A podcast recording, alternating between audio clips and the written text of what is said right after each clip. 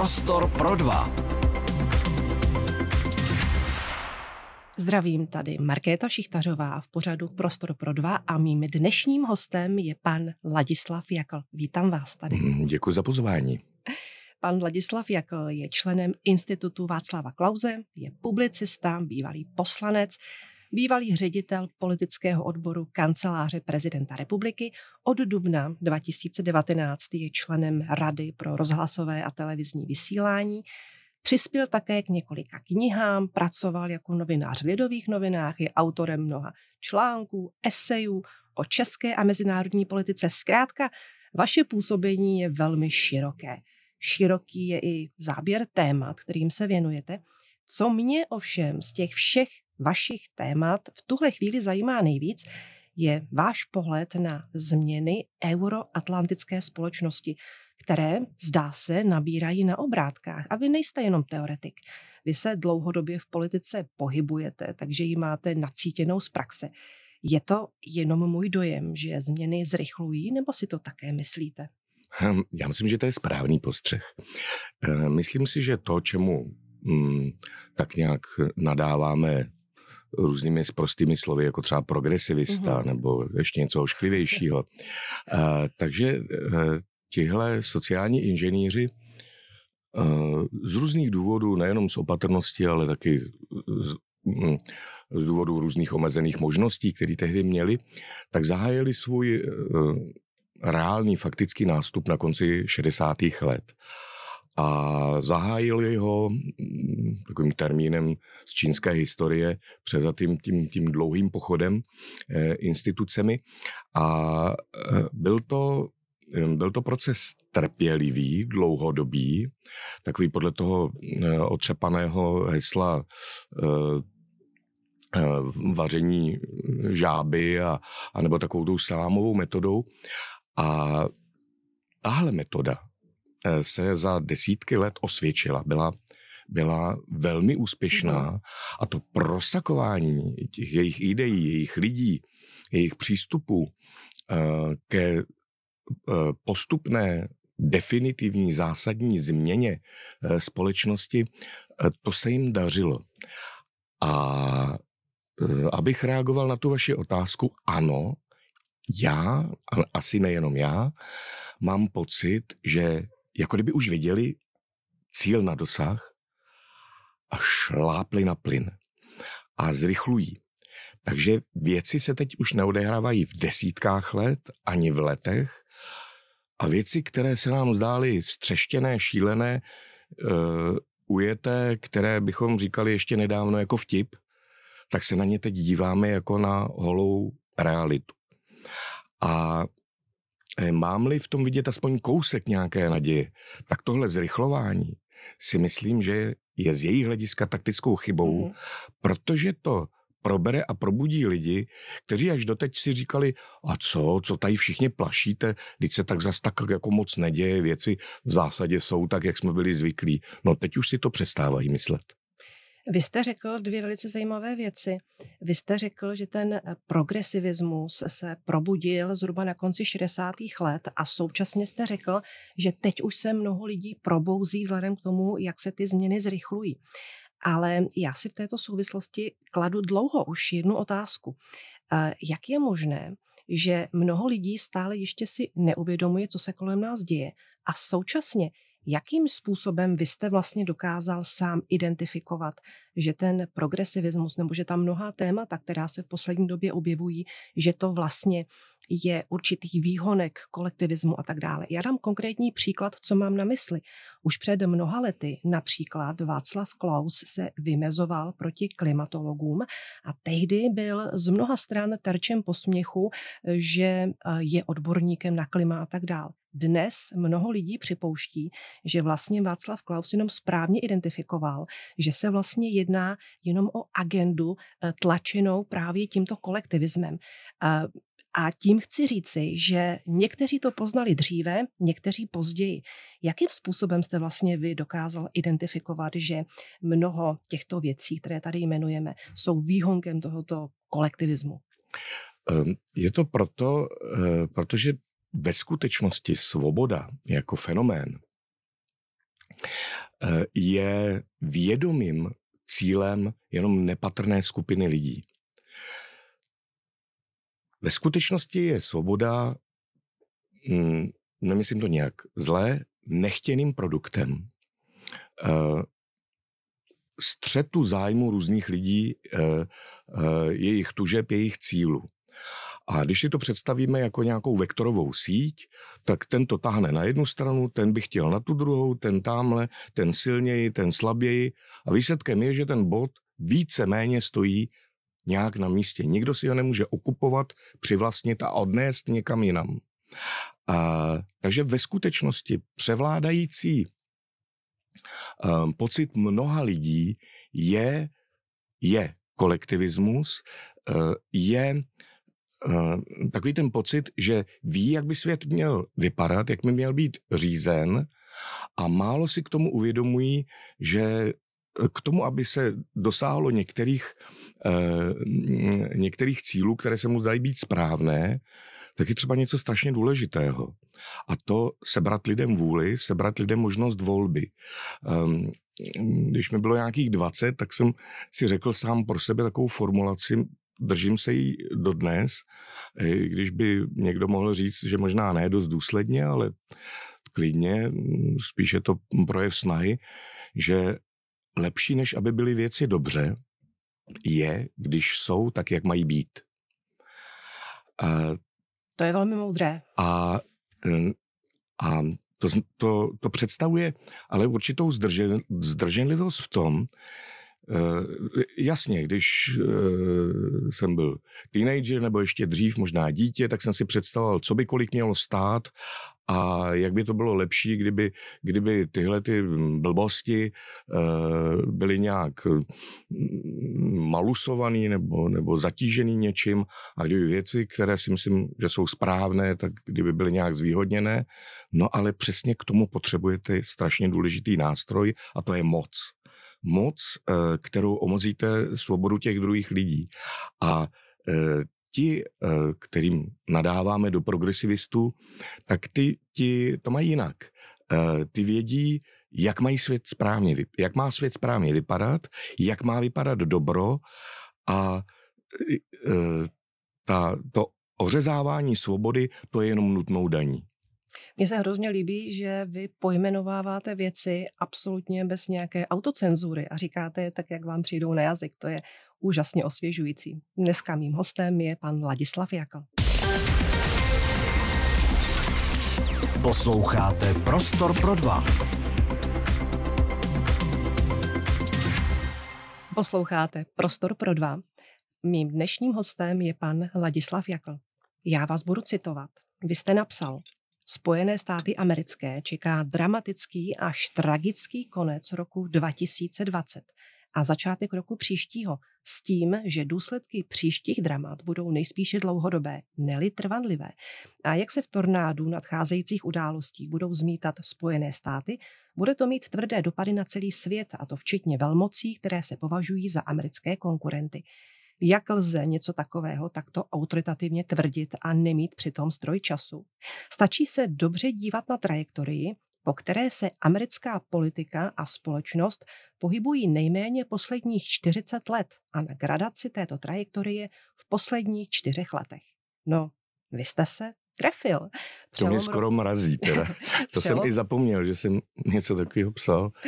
Přelom roku 2020 a 2021 skutečně ve Spojených státech dramatický byl. 6. ledna 2021 došlo k něčemu, eh, co média označují za útok na americký kapitol, nicméně řada lidí, kteří tam byli, eh, včetně novinářů největšího amerického, čtvrtého největšího amerického média, Epoch Times eh, to vidí trošku jinak, padají tam výrazy jako řízená provokace, policejní násilí a podobně. Každopádně k těmto událostem došlo v souvislosti s vítězstvím nového prezidenta Bidena nad Trumpem. A teď už se zase blíží další prezidentské volby ve Spojených státech a tentokrát se zdá, že ve vedení je Trump a situace by se mohla otočit. A současně vy mluvíte o gradaci událostí. Takže jak by dneska s odstupem zhruba čtyř let zněla vaše prognoza nebo proroctví pro konec tohoto roku? To vlastně úplně stejně, protože uh, jednou věcí je, jak volby dopadnou a um, asi si ne teď v únoru uh, roku 24 myslíme na základě, na základě dat a na základě vývoje, uh, že vyhrají republikáni se svým nominantem.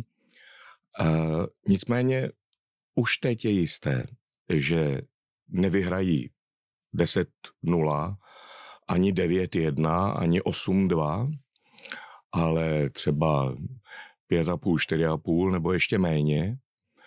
Eh, ale teď mi nejde o výsledky voleb. Teď mi jde o to, co se stalo s americkou společností a v jakém je stavu. A americká společnost je objektivně dramaticky rozdělená a je možné říci uh, stejným způsobem, jakým někdy takový ty geopolitičtí sociální inženýři si říkají, tamhle ten režim, to je ošklivý režim, reprezentuje ho tahle rodina, tak když vystřílíme tuhle rodinu, tak všichni ostatní budou nadšeně pak chodit ke svobodným volbám a kupovat hamburgery. A ono se to nějak zvrtne protože nikomu nedojde, že to uspořádání, které tam je, ač je dramaticky odlišné od toho, co my, my, my bychom chtěli, z něčeho vyrůstá. A ta rozpolcenost eh, Ameriky ta rozhodně nevyrůstá, jak si někdo myslí, z toho, že šestkrát e, e, nějaký politik něco řekne ošklivého, anebo nějaké noviny něco ošklivého napíší.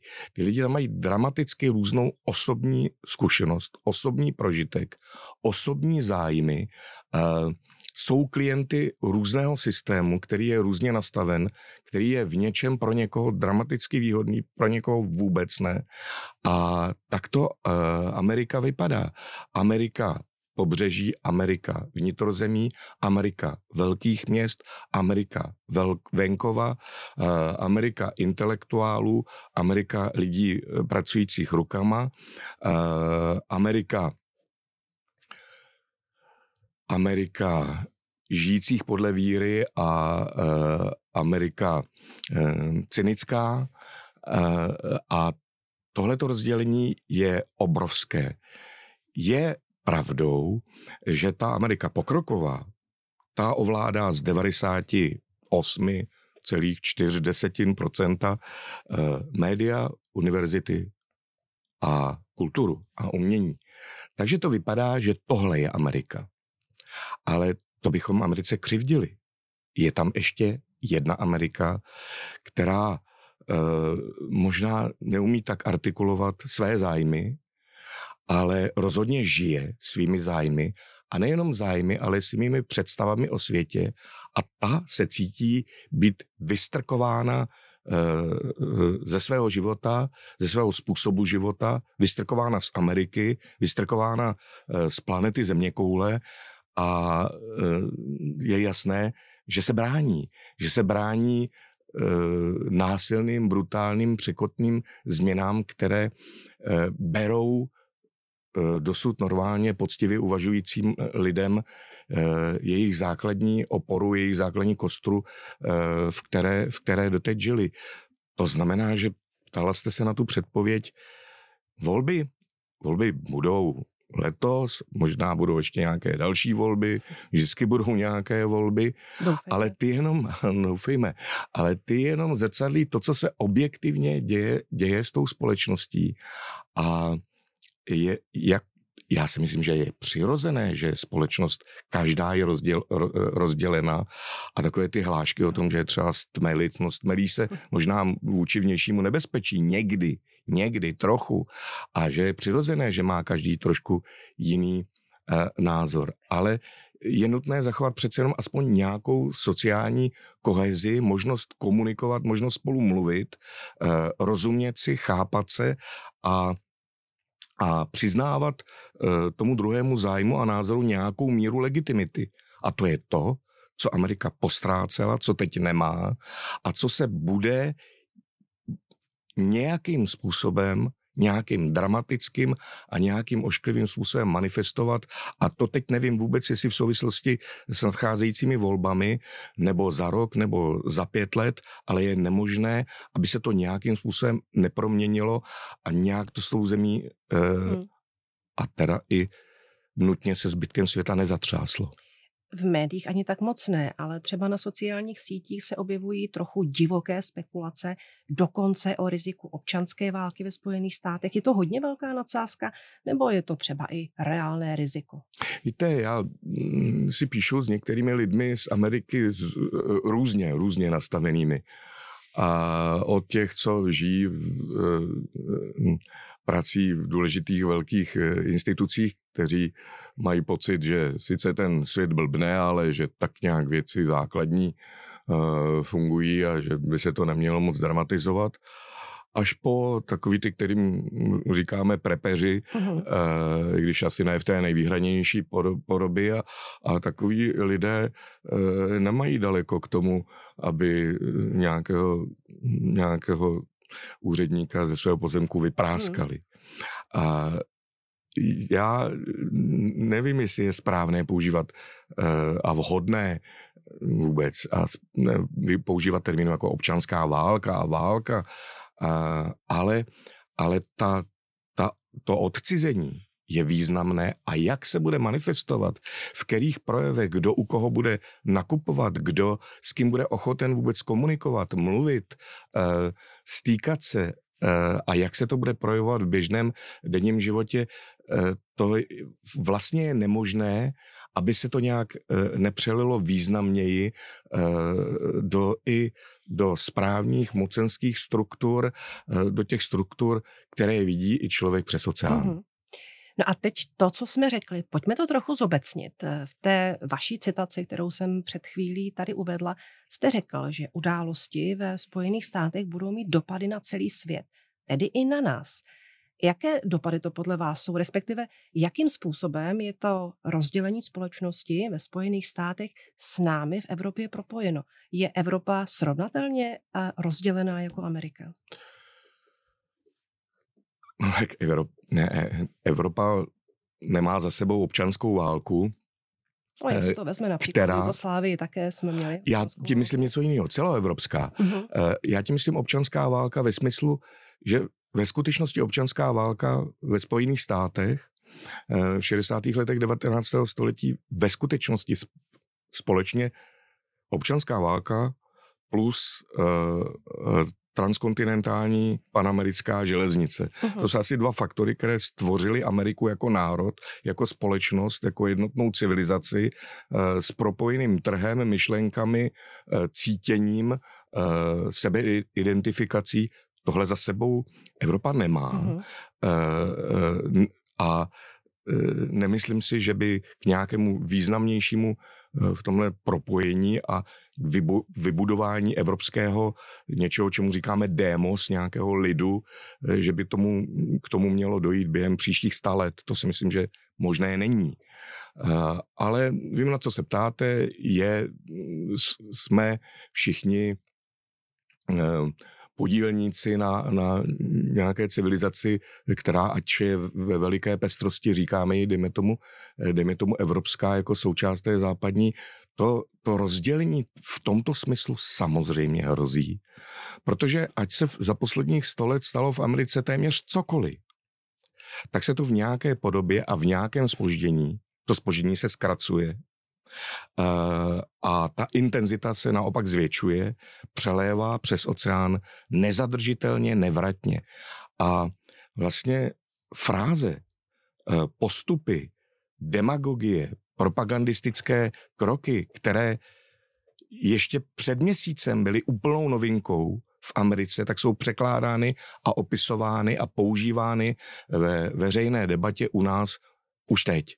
Eh, to zrychlení je, ob, je obrovské a, a, a zásadní a eh, k takovému tomu, k takovému tomu rozdělení na pokrokáře a, a zpátečníky, když to tak budu říkat, eh, tak nastává nepochybně. Navíc má v té Evropě určité kořeny i náboženské a, a v ukotvení v rozdílných způsobech života naprosto jiný vztah k tomu, k tomu pokrokářství mají, mají protestantské státy, které, kde vždy eh, převládal takový ten mesianismus a to přinášení dobra do každého příbytku, eh, protože oni vědí, jak to dobro mají, má vypadat a, a, a jiných, jiných zemí je fakt, že v žádné jiné než protestantské zemi by nikoho nenapadla taková pitomost jako prohibice. Eh, a podobné společenské experimenty eh, mají živnou půdu v nějakých společnostech. Teď tím nemyslím jenom, jenom protestantské. Prostě eh, jsou různé klíče, kterými lze odemykat složitost těch evropských společností a, a to rozdělování a rozdělení to určitě už existuje. Vidíme ho uh, uvnitř zemí uh, velmi zřetelně. Uh, já vím, že jsme zvyklí třeba na Německo se často dívat jako momentálně na úplně pošánou e, zelenou pokrokářskou zem a, a e, když jsem byl naposled v Norimberku, tak na hlavním nádraží a všude e, před hlavními budovami vlály duhové vlajky a přechody přes ulici byly duhové a, a tak dál, ale e, když jsem vjel vláčkem do malého městečka, do místního malého pivovaru, tak to tam vypadalo jak u běžných jezeďáků na, na, na malém českém maloměstě a byl to úplně normální, běžný, poctivý život, tak jak tam asi probíhal někdy před stolety. Tak aby jsme se taky někdy e, nekoukali jenom u některých těch společností jenom na, na, na tu jednu tvář, která o sobě dává víc vědět. Nepochybně tenhle způsob tohle, tahle dělící linie, která v Americe je dramatická, tak trochu složitějším způsobem probíhá i uvnitř jednotlivých evropských společností a možná i uvnitř Evropy jako celku. Říká Ladislav Jakl na Rádiu Prostor. Posloucháte Prostor pro dva. Posloucháte Prostor pro dva, dnes s Ladislavem Jaklem. Vy upozorňujete na to, že Spojené státy od konce druhé světové války jsou určující pro trendy západního světa. Už jste to tady říkal, ať už jde o hudbu, kult zdravé výživy, bodybuilding, obecně životní styl, ale také třeba ten zelený fanatismus, eh, kolektivismus, sociální inženýrství. Já s tím souhlasím, ale kladu si otázku. Když jsou tedy Spojené státy takhle určující pro vznik těchto ideologií, Znamená to, že abychom se třeba od těchto ideologií osvobodili, takže musí znovu ta obleva přijít ze Spojených států. Neboli, eh, pokud bychom například my čeští občané se rozhodli zvolit si třeba nějakou nově vzniklou politickou sílu nebo nějakého nového lídra, který by byl natolik morálně silný, sebevědomý, že by se dokázal třeba proti této ideologii vymezit, odmítnout Green Deal, odmítnout kvóty, odmítnout ničení našeho průmyslu, odmítnout zákaz spalovacích motorů a tak dál a dál a dál. Bylo by to jenom zbytečné, a teď mi promiňte ten výraz, čurání proti větru, a stejně bychom neměli šanci uspět, protože bychom museli čekat, že ta obleva přijde ze Spojených států, anebo tam nějaká šance já vám, uspět. Já vám rozumím, na co se ptáte, jenom chci předeslat, že aby to nevypadalo, že z Ameriky přichází jenom samé morové rány, přišlo dobré i zlé, ale přišlo, přichází prostě od tamtuť v této, eh, v této éře, mm, už spíš teda eh, ne od, od v poslední, v druhé polovině 20. století, ale nejméně od konce 19. století, protože sufražetky a, a, a, a dělnické hnutí dané stupněm průmyslové revoluce a podobně v poslední době třeba, já jsem velký fanoušek uh, americké um, nové pivní kultury a mikropivovarů a tak dále, tak to, to, to je jako vývoj, který se mi hodně eh, zamlouvá.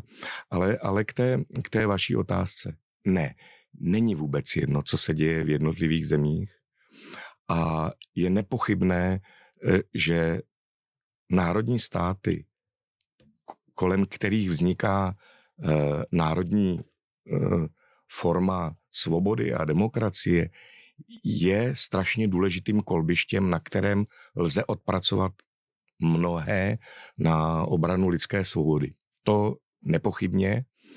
A pak je tady ještě jeden moment. Některé věci stojí za to dělat, i když jsou marné. Děláme je pro sebe. Protože, protože prostě nemůžeme jinak.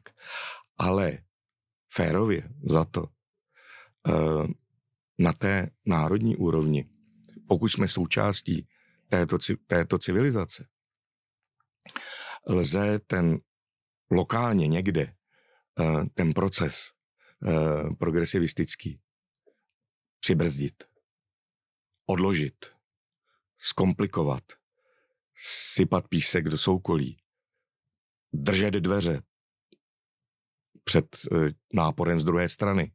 To všechno si můžeme brát za úkol, každý z nás individuálně, nebo, nebo lidé, s, kterým se, s kterými se stýkáme, mluvíme s nimi. Ale to, to vše férově za to může fungovat dočasně a částečně. Ale celková změna, celková změna tohoto civilizačního trendu, eh, ta musí vzniknout, když ne, neříkám, že nutně v Americe, ale v rámci uh, celé naší civilizace, to asi ano, natolik vysoká je ta, ta momentální propojenost a natolik velké jsou vlivové a mocenské páky uh, těch, kteří uh, ovládají dění v naší části světa, že prostě se, jako se musí stát něco celkem celkově. Jestli se to stane za eh, našich životů, dost pochybuju, a, ale lecos pro ty, kteří, eh, na, na které tato práce zbyde, možná můžeme malinko připravit. To zrovna nezní úplně optimisticky. Já bych hrozně ráda věřila, že i dneska pořád je možné něco podobného, jako se stalo například v Singapuru, který si vyvzdoroval svoji samostatnost a kapitalismus eh, obklopen jinými mocnostmi. Eh, Švýcarsko je také vlastně takovým specifickým ostrůvkem eh, v rámci Evropské unie. Teď zdá se, že o něco podobného se pokusila Argentína, byť ještě nevíme, jak to dopadne, ale tam to vypadá zatím hodně nadějně. Takže vy říkáte, že to jsou spíš jenom pokusy zpomalit ten vývoj a že to je takové sypání písku do soukolí. Za prvé ano. Ehm, a platí to o všech těchto případech. Za druhé, eh, může se to podařit déle a efektivněji v místech, které jsou určitým civilizačním vákuem. Jsou na místě nějakého střetu a využívají z té balance vlivů eh, z jedné strany, z druhé strany, z třetí, čtvrté a tam vzniká nějaká, nějaká unikátní rovnováha těch, eh, těch vlivů a nikdo si to nemůže stáhnout na svou stranu. A eh, čili balance civilizačních vlivů a také mocenských, mocenských vlivů. No, že by my eh, jsme tady žili v nějakém mocenském bezvýznamném váku, to si zrovna nemyslím, protože která, která bota, kdy se procházela naší civilizací, tak, tak šlápla vždycky, vždycky tady. Eh, tady naší kotlině se nevyhnulo nikdy nic a eh, myšlenka, že by, eh, se ná, že by, že by my jsme si tady na svém píseč, písečku udělali Singapur a nikomu to nevadilo. Veme, veme si, že daleko menší odklony, menší parametricky, men, vlastně, vlastně jenom parametrické odklony od toho celkového progresivistického trendu jsou sankcionovány, eh, trestány, ostrakizovány eh, těmi mocnějšími pákami, které jsou obrovské, jsou silné a je to velmi těžké v těch ostrůvcích eh, určitého dočasného, dočasné rezistence, dočasného odporu. Je to tam těžké. To jistě ano. Na druhou stranu, vy jste sám řekl před chvílí, že považujete svým způsobem paradoxně za pozitivní to, že ten trend v zavádění progresivismu se zrychluje, protože společnost začíná být mnoha případech víc naštvaná. Eh, takže není tohle náhodou takovou, řekněme, eh, šancí na to, že by se ten vývoj třeba mohl zlomit a že když začne vznikat takových ostrůvků odporu více, takže by společnost se více mohla vymezit? To, to, eh, to jsem říkal na začátku, protože jsem tušil, že asi nakonec stejně mě svými otázkami doženete k mým tradičním, eh, tradičním chmurám a pesimismům. Já si totiž na rozdíl od mnoha jiných lidí myslím, že pesimismus motivuje. Eh, já si myslím, že optimismus ukolébává pesimismus motivuje, protože jestli fakt neuvěřím, že to je vajzlu, eh, tak nemám eh, potřebu se z něj nějak dostávat. Tak si řeknu, teď to je vlastně, teď to je vlastně jenom deštíček, tak co, to přejde.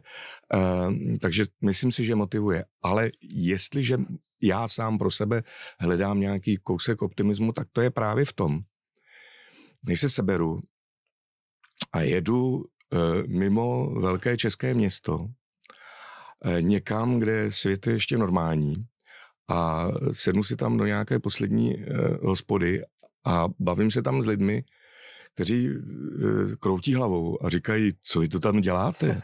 Co tam blbnete? Jako, ty věci jsou tak jasné, jsou tak samozřejmé a já si myslím, že ne, ne jenom, když budeme sedět a moudře přemýšlet a, a psát eh, moudré věty do, do moudrých médií, inspirující, ale eh, když eh, těmhle těm lidem, tomu, tomu jádru společnosti, o který jsem mluvil, kterým říkám, ono vypadá hanlivě, ale já to myslím jenom v nejlepším, já říkám jezedi. Když, když, když, jako, když jezedi nezačnou cítit takový, že jim, že jim fakt už někdo eh, jako leze do jejich způsobu života až moc, až moc brutálně. Teď mají pocit, že se to od nich odehrává někde daleko. Ale až jim, až jim bude někdo kopat do dveří a strkat jim tam modernistický progresivismus a progresivistický modernismus až do jejich kuchyně, eh, eh, tak možná vemou vidle. A eh, jo, Eh, v tom vidím eh, kousek naděje. Eh, na to buďme připraveni, tomu pomáhejme. A taky ještě jedna věc. Musíme umět spolu navzájem mluvit, ať jsme lidi různě sociálně zakořenění, ale pokud nám vadí podobné věci ve vývoji společnosti, tak musíme spolu umět mluvit říká Ladislav Jakl. Posloucháte Prostor pro dva. Posloucháte Prostor pro dva. Dnes s mým hostem Ladislavem Jaklem bavíme se tady o rozdělení společnosti, o tom, kam vývoj civilizační může dál vést. Vy jste před chvílí řekl, že lidé na vesnici mají mnohdy pocit, že města jsou od nich daleko, že se ten progresivistický vývoj odehrává od nich daleko. Ale že možná jednou, až budou mít pocit, že jim už leze do kuchyní, takže vezmou vidle. Nedá se ten stávající protest zemědělců napříč celou Evropou považovat za takové vzaní vidlí do ruky? Možná nějakou první vlaštovku? Za prvé svým způsobem ano. E, za druhé vím, že mm, ti, kterým se toto vzedmutí, autentické vzedmutí e, venkova nelíbí, tak se ho snaží zdiskreditovat v očích například našich v očích eh, nás, kteří eh, nemáme rádi slovo dotace, kteří nemáme rádi slovo regulace, eh, kvóty, cla, limity a něco podobného a, a snaží se nám přeložit tyto protesty, že jim jde jenom o tyto parametrické věci a že z 12% chtějí něco na 18% a, a obráceně. Ne, není to tak. Často ty protesty mají ryze kulturní, civilizační a politický podtext, že eh, se cítí být ošizený v některých těch parametrických věcích, věcech, to ano, protože jsou v souběhu s dalšími, které jim uh, vlastně, jestliže jim stát maří možnost běžně, normálně konkurovat a podnikat, a za to jim nabízí nějakou almužnu v podobě nějaké, nějaké kompenzace, dotace. A pak jim sáhne na tu dotaci, tak to jenom tak vypadá, že oni chtějí natahovat ruku a, a žádat o dotace, ale oni to brali, že to je určitá smlouva se státem, že stát jim zamezuje běžně normálně obchodovat, podnikat, eh, ale když je vystavuje nějakým, nějakým břemenům, tak to brali, že to je, že to je nějaká, nějaká kompenzace. Teď jim sáhá na ty kompenzace, tak se eh, ozývají, ale ve skutečnosti oni by chtěli normálně žít klidně i bez těch dotací, bez těch, bez těch Eh, kompenzací, ale musel by jim někdo dovolit normálně žít a normálně podnikat. Myslíte si, že se to dá udělat i jednostranně, třeba z naší strany?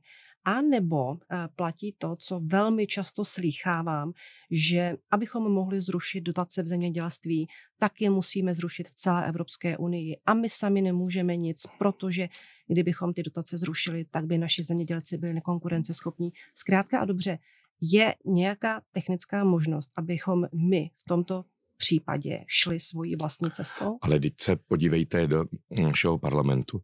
Eh, víme, že hm, já nevím, jestli se to dá nějak přesně úplně kvantifikovat a někdo říká 85%, někdo 60%, no to je v podstatě jedno. Ale velkou část eh, naší legislativy tvoří implementace, ale podívejme se, eh, jak jsou schvalovány jak jsou vůbec projednávány. Eh, kdo říká, eh, no, tak už to tady jednou je, no, jsou to sice koniny, ale prostě mm, je to daň za to, že patříme k tomu lepšímu světu, a jako nedělíme potíže a, a a pak se k tomu přidá ještě nějaký místní nějaký zájem, který se na to přilepí, ještě se to zhorší, pak ještě nějaký juhujer tomu jde naproti a Čili vůbec není, vůbec není pravdou, že musíme všechno vzít na stoj a to tak, jak je a ještě si to i zhoršit. Eh, je nepochybně pravdou, že můžeme dělat v tomto smyslu potíže a že si můžeme vylepšovat vyjednávací pozici. Naše vyjednávací pozice už velmi dlouhou dobu vůči Bruselu je taková, že říkáme, eh, kolik vám máme zaplatit za to, že s váma budeme souhlasit? Mm-hmm. Ale to přece má vypadat úplně jinak. Oni řeknou, udělejte to. My řekneme, ne. Udělejte to, nebo uvidíte. My, ne. Tak uděláte to, dub. Ne. No dobrá, co za to chcete? No, to by se vidělo. Takhle se vyjednává. Někomu to možná přijde hnusný, ale v podstatě aspoň takhle Aspoň takhle. Ještě by možný říct šestkrát ne a, a, a trošku zdražit cenu svého ano.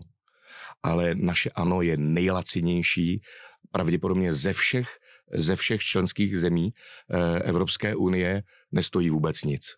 Tohle je zajímavé, co říkáte, nebo tedy samozřejmě já s tím souhlasím, asi by nikdo neočekával, že to budu rozporovat, ale v podstatě eh, každý, eh, komu jsem tady položila v nějaké jiné podobě analogickou otázku, to znamená, jestli můžeme si prosazovat naší vlastní vůli a jestli můžeme taky třeba neposlechnout eh, některé nařízení z Bruselu, tak reagoval v nějaké variantě podobně jako vy. Ano, my si musíme víc dupnout. Ale proč tedy pro Boha, jak si to vysvětlujete, proč vláda neustále tomuto ustupuje? Jak je možné, že to naše ano je tak laciné? Mně to nedává smysl. No, to je tak uh, úplně férově vzato jsou případy, kdy se projednává nějaká implementace a kdy se přečte i stanovisko vlády. A v některých případech, uh, jako člověk, který je k současné vládě velmi kritický, Musím připustit, že v některých případech, a zřejmě to šlo e, nějakými expertními týmy někde při vládě, tak ta stanoviska nejsou zrovna úplně horlivá. Horlivá se ku podivu často stávají až v obou komorách parlamentu kde e, dobře, tak vláda je trochu opatrná, trochu zdrženlivá, ale my jsme přece, prostě, přece ty lojální a, a, a přebijeme to. Ale na tu vaši otázku odpovídám takto. Hmm. Podívejte se na to, jak mnozí naši představitelé, komu se cítí být zavázáni. Teď oni mají pocit, že že jsou zavázáni těm, s kterými, s kterými se scházejí na těch různých samitech a, a, a pijou kafičko někde v nějakých těch konferenčních sálech a žijí takovým tím, já tomu říkám eroháčtění, protože jenom s takovými lidmi jsou schopni jít na kafe nebo na panáka a, a vytvářejí tím způsobem, svým způsobem určitou sociální bublinu a vlastního voliče považují za dezoláta. Čili vlastně ti, kdo byli zvoleni, se necítí zavazáni těm, kdo je volili, ale cítí se zavázání těm, je to tak? v kulárech na kafičko. Je to tak, je to tak, cítí lojalitu k těm druhým a často tak vypadá i jejich argumentace. Říkají si, eh, no přece si nemůžeme udělat ostudu, přece uh, nemůžeme vypadat hm, jako blbci a šaškové, teď jsme to tam jako říkali a slíbili a teď tady na nás tlačí nějaký uh, domácí hm, skeptici a nacionalisti a tohle to nelze. Ale uh, buďme zase uh, trošku sebekritičtí a, a féroví v tom smyslu, že uh, pokud moc, státní moc, a teď nemyslím jenom vládu, nebude cítit tlak z druhé strany, čili od, od svých občanů, voličů, taky spotřebitelů a, a dalších skupin, pokud nebude srovnatelný tlak cítit z druhé strany, bude ustupovat pořád jenom tomu jednomu, tomu tlaku z Bruselu a, a nebo zvykli jsme si to takto nazývat, ale prostě těmto, těmto zájmovým silám uh, musíme se víc starat o to, aby cítili uh, v zátelku i náš tlak a, a, a náš dech a že teda už nemůžou dál couvat. Když jsme u toho tlaku a u těch mocenských zájmů, jak do toho spadá například boj naší pěti koalice o korespondenční hlasy? Jak to vnímat? Jde o průhlednou snahu o manipulaci voleb? No, nepochybně korespondenční volba je manipulovatelnější eh, než, než přímá. Za druhé jsem přesvědčen, že je protiústavní, protože u ní není zaručená tajná volba a přímá volba. Může volit někdo jiný, může volit někdo jiný pod dohledem eh, a mm, prostě odporuje taková volba naší ústavy. Ale hlavně to, jakým způsobem je protlačována, tak náhle na mimořádné schůzi, silou, na sílu, eh, prostě tyto procedurální, dejme tomu technické věci, mají být pokud možno neutrální, bezpříznakové, nemají být účelové, nemají někomu fandit, nemají někomu nahrávat a mají být přijímány pouze konsenzuálně. Čili pokud není projedná nějaký širší souhlas, nechme věci být. A není vůbec pravdou, že tím trpí e, nějaký ubožáček tamhle někde, e, tamhle někde, který si zrovna nutně potřeboval e, vyjet doprostřed e, australské pouště a teď by to měl strašně těžké e, někam na, na ambasádu. A pak ještě jedna věc, když už, když už teda volby. Já si nemyslím, že se akt voleb má jakkoliv um, zjednodušovat. Kdyby bylo po mém, tak by ve volební den vždy pršelo. A ještě by to klouzalo, uh, teda teď na to bych doplatil já jako důchodce asi nejvíc, teda, ale já bych se tam nějak doplazil. Ale um, tím chci říct, prostě mají se voleb účastnit lidi, kteří mají motivaci a ne, že O, dobře, co je? A dneska jsou volby, jo? A který knoflík mám bačknout? Hmm. Čtyři roky se o to nestarám, čtyři roky se o to starat nebudu a teď se na proberu. A ten náhodný rozstyl, co to vlastně zmačknu a koho to vlastně zvolím, mi je vlastně úplně fuk. Necítím za to žádnou zodpovědnost. Uh, nechť uh, mají větší váhu i při nižší volební účasti ti, kteří mají větší motivaci zvednout zadek a překonat nějakou obtíž.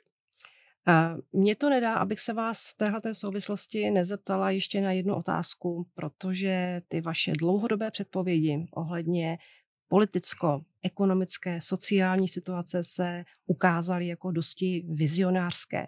Vy jste dokonce správně předpověděl i to, že se začnou množit případy, kdy celé státy začnou odpírat poslušnost centrální vládě ve Spojených státech a nerespektovat eh, působnost federálních orgánů.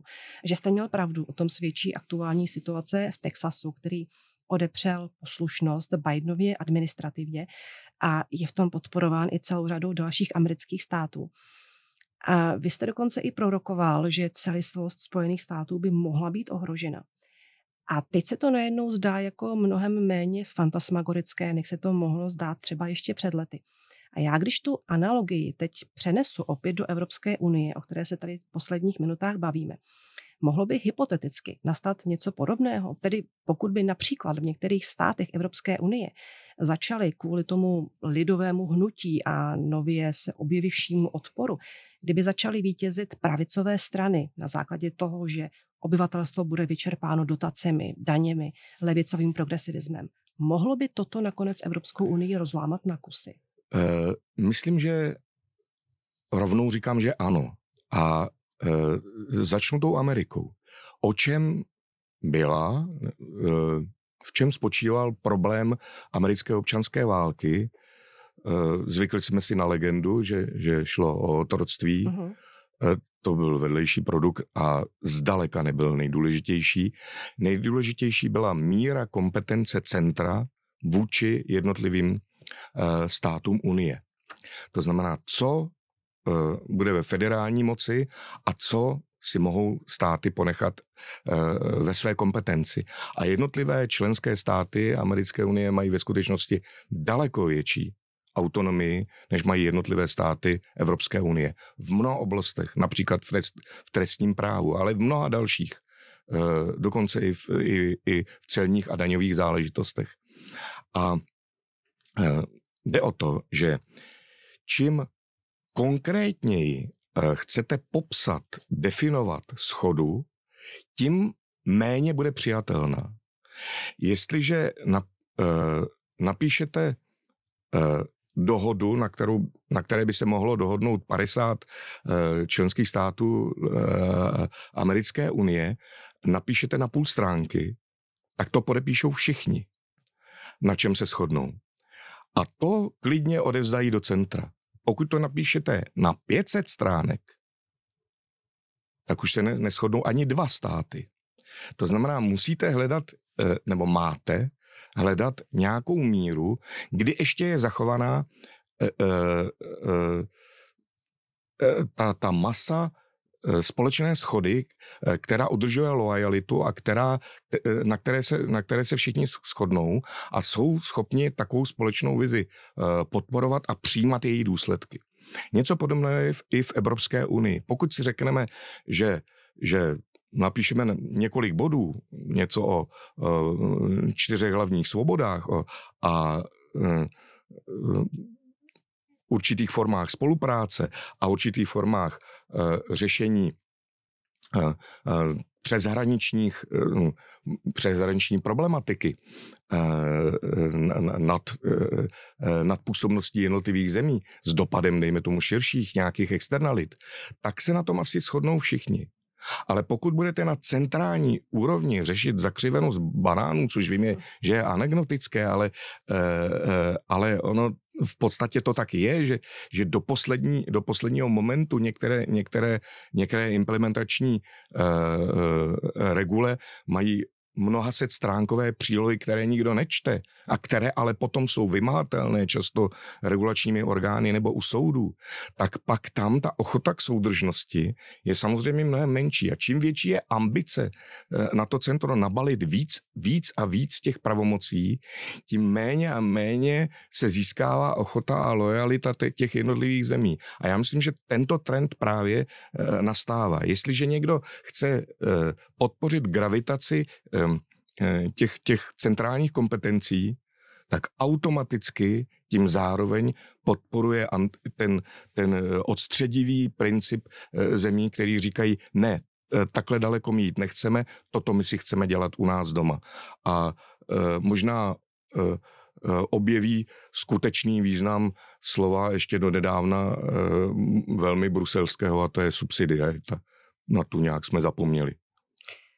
Tak já bych si sama tady dokázala povídat ještě hodně dlouho. To, co říkáte, je zajímavé a inspirativní pro mě v mnoha oblastech, ale bohužel čas už nám nedovoluje.